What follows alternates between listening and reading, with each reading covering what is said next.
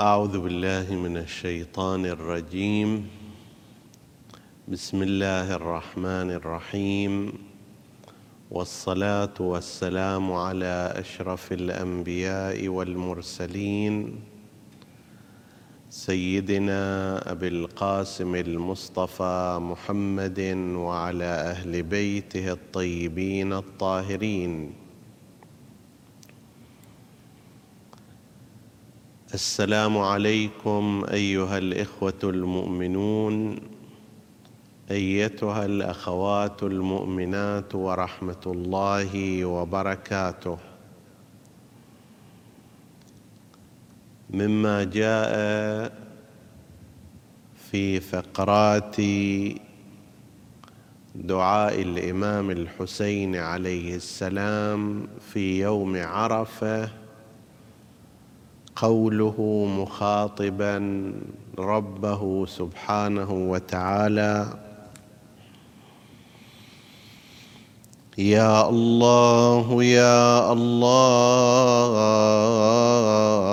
يا بديع يا بديع لا ند لا بدل لك يا دائما لا نفاد لك. يا حيا حين لا حي. يا محيي الموتى.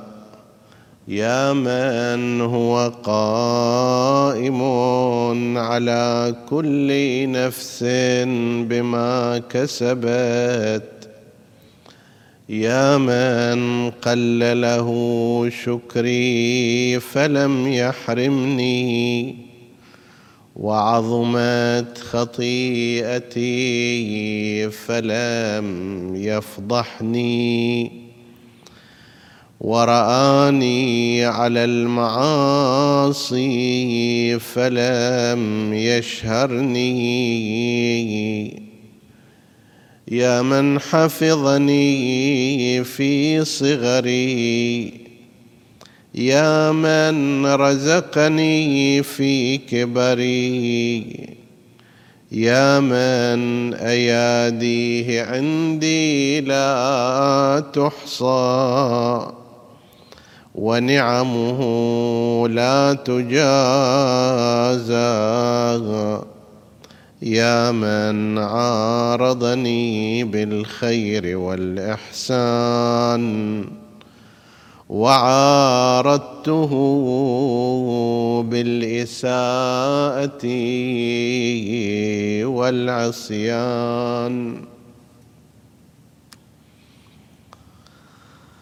هذه الكلمات بدأها سيدنا الإمام الحسين عليه السلام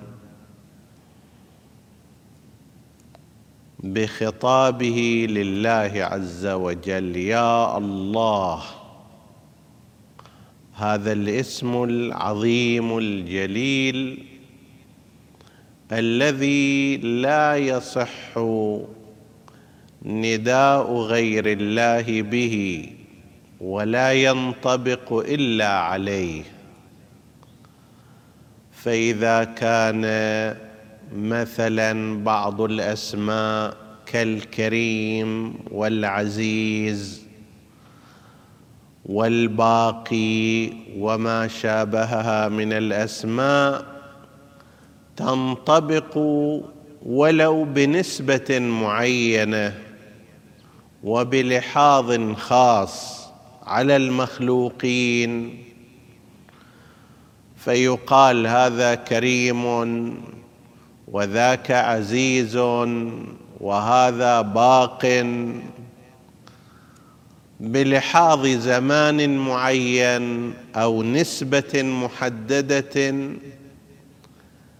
إلا أن هذا الاسم المقدس الله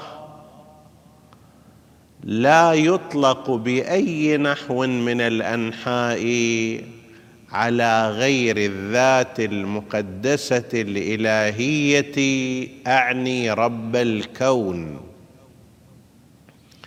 ولذلك قد يرد في الدعاء والخطاب يا الله يا الله يا الله يا من لا يقال لغيره يا الله.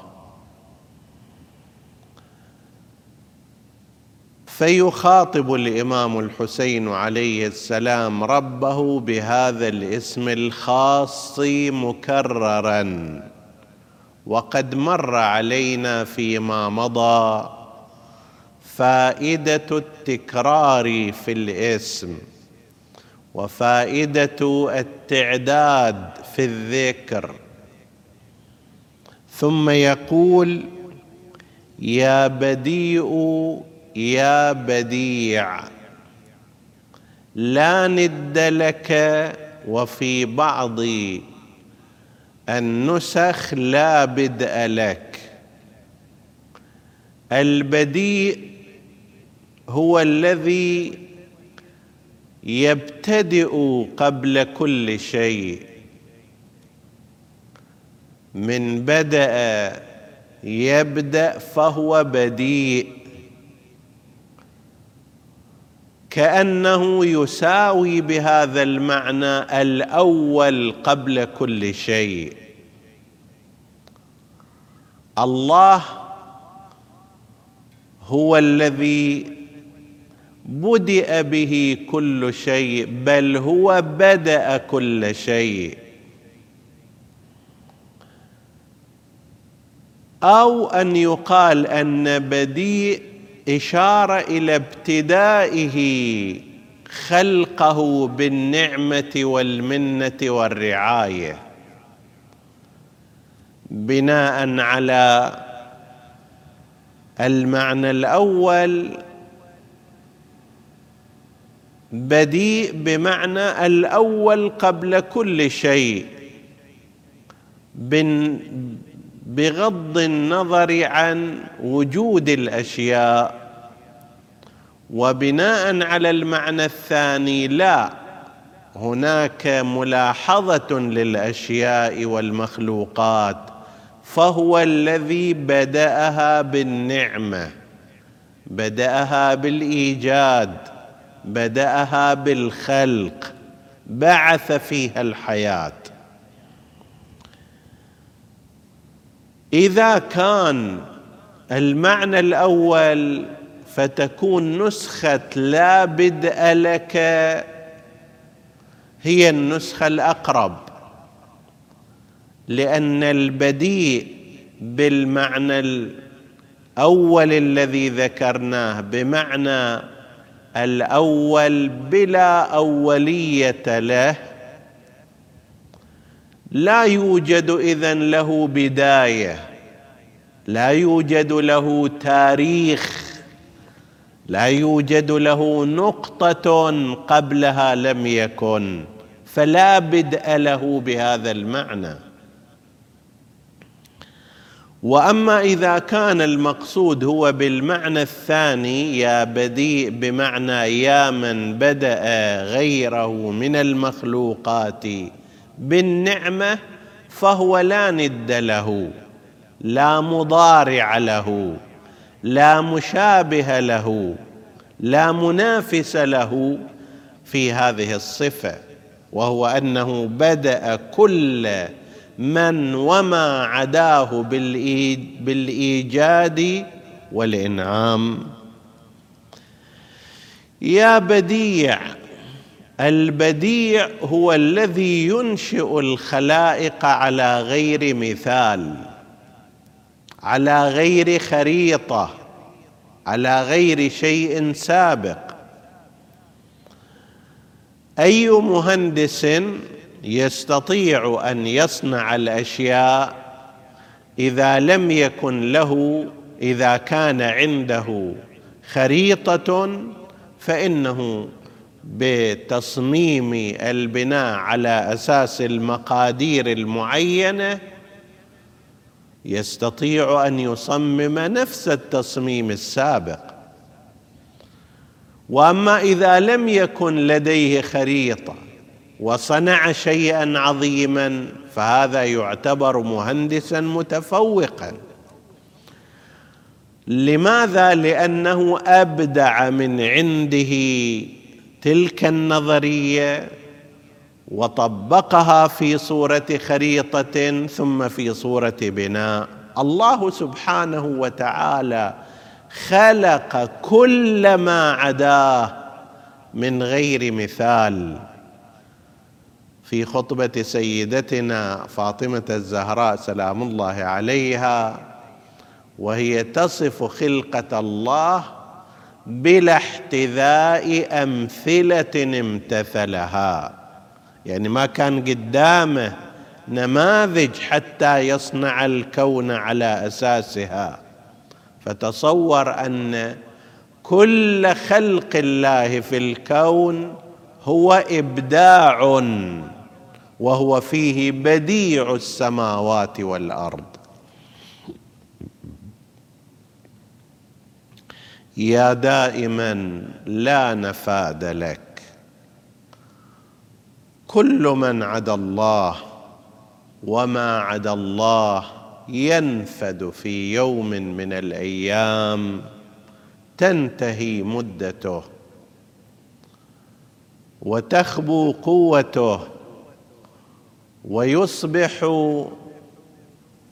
اثرا بعد ويصبح خبرا بعدما كان اثرا.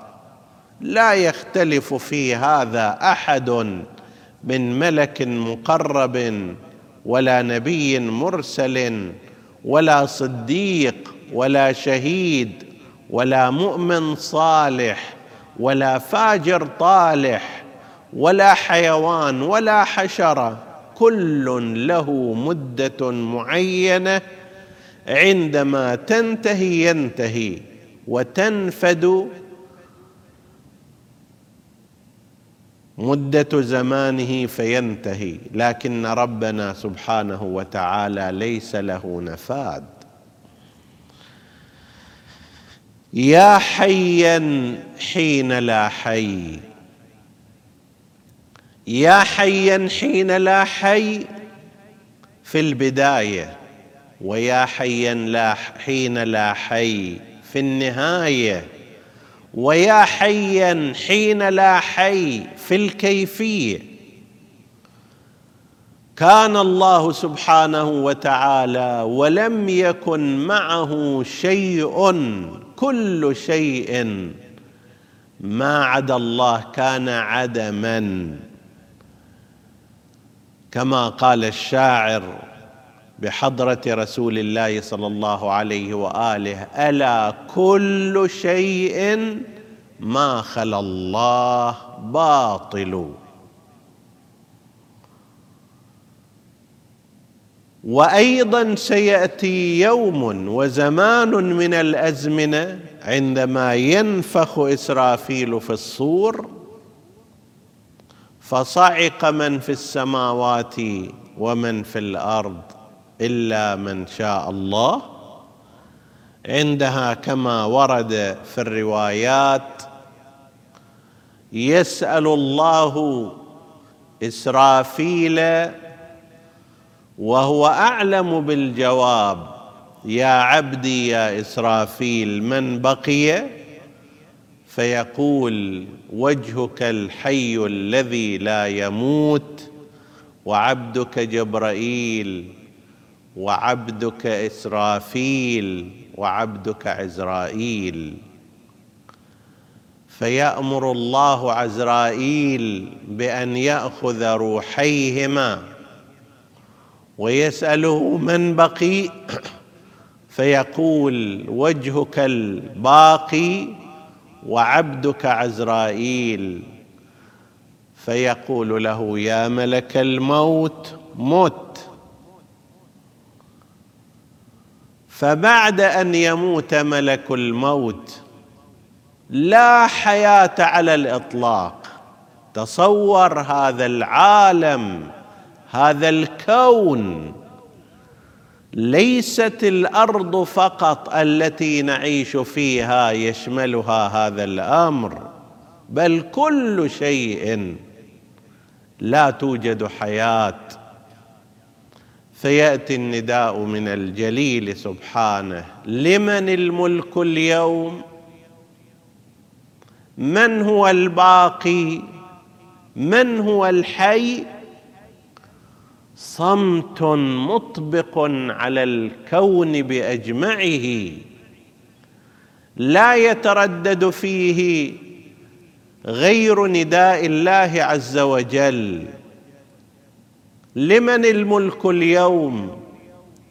فيجيب الله على هذا السؤال بعد أن لم يبق شيء. لا ملائكة ولا شياطين ولا جن ولا إنس ولا حشر ولا حيوان. فيجيب لله الواحد القهار. يا حيا حين لا حي. إذا عرف الإنسان المؤمن هذا يأتي الخطاب إليه وتوكل على الحي الذي لا يموت. اجعل اتكالك واستثمر حسابك. لا في من ينقضي وتنقضي قوته. ولا في من يمضي وتنتهي سلطته وإنما في ربك الحي الباقي الذي لا يموت. بين حياة البشر وبين حياة الله الحي لا يوجد قياس أصلا. هذه حياة جاءت بعد عدم وستنتهي إلى عدم وموت بعد مرورها بالضعف. بل وهو في حالة الحياة. هذه الحياة البشرية مهددة في كل يوم بل في كل لحظة. في كل لقمة هناك تهديد أن تنفذ هذه اللقمة لو تعطل الناظم لها وهو ما يسمى باللهات أو لسان الموت عند العامه لو تعطل شرطي المرور هذا ودخل الماء والطعام في مجرى التنفس. ما أقرب الموت إلى هذا الإنسان؟ من الممكن أن يغمض عينيه مساء ولا يفتحهما إلى الأخير وأن يدخل نفسا ولا يخرجه أو يخرج نفسا ولا يدخل نفسا غيره. أي حياة هذه هي التي يطمع فيها هذا الإنسان أو يطمع أن يعتمد فيها على حياة غيره. توكل على الحي الذي لا يموت. يا محيي الموتى. يا من هو قائم على كل نفس بما كسبت. كل نفس كل نفس بهذا العموم والاستغراق والشمول. بل غير الأنفس ولكننا هنا نعدد النعمات المباشرة على الإنسان. كل نفس سواء كانت كافرة أو مؤمنة ربنا سبحانه سبحانه وتعالى قائم عليها ناظر إليها مدبر لها بما كسبت بمعنى النعمة وبما كسبت أيضا بمعنى العمل. كسبت خيرا في حياتها هو قائم عليها وناظر إليها. أو كسبت شرا والعياذ بالله في حياتها. ربنا سبحانه وتعالى وكما نقرأ في دعاء كميل وكنت أنت الرقيب علي من ورائهم والشاهد لما خفي عنهم.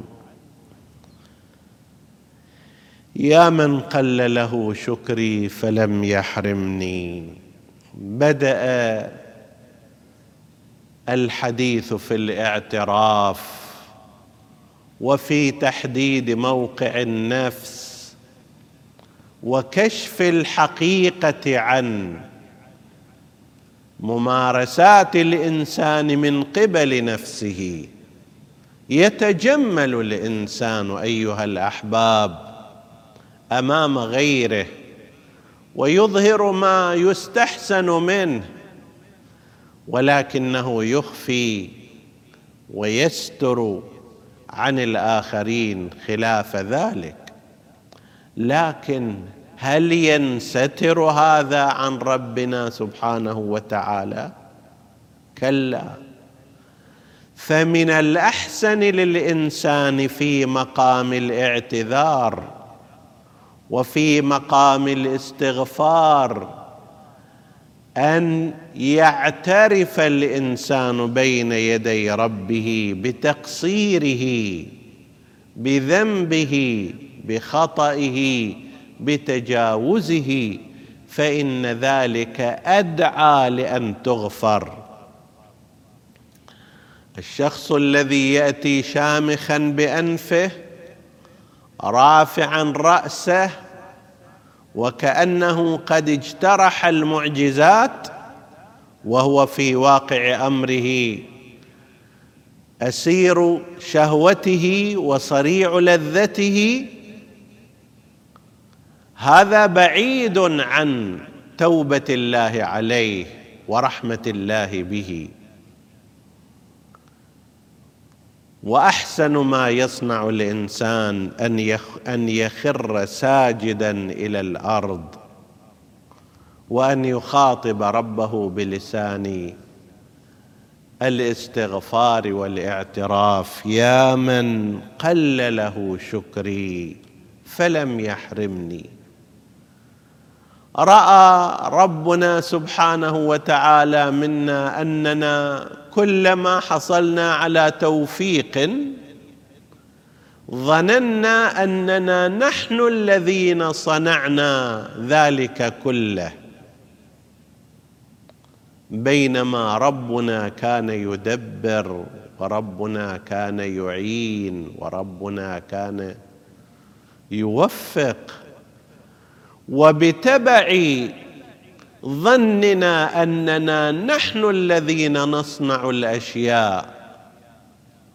فإن مقام الاعتزاز بإنجازاتنا فيما نتصور يمنعنا عن شكر الله عز وجل. ومع ذلك لا يحرمنا ربنا.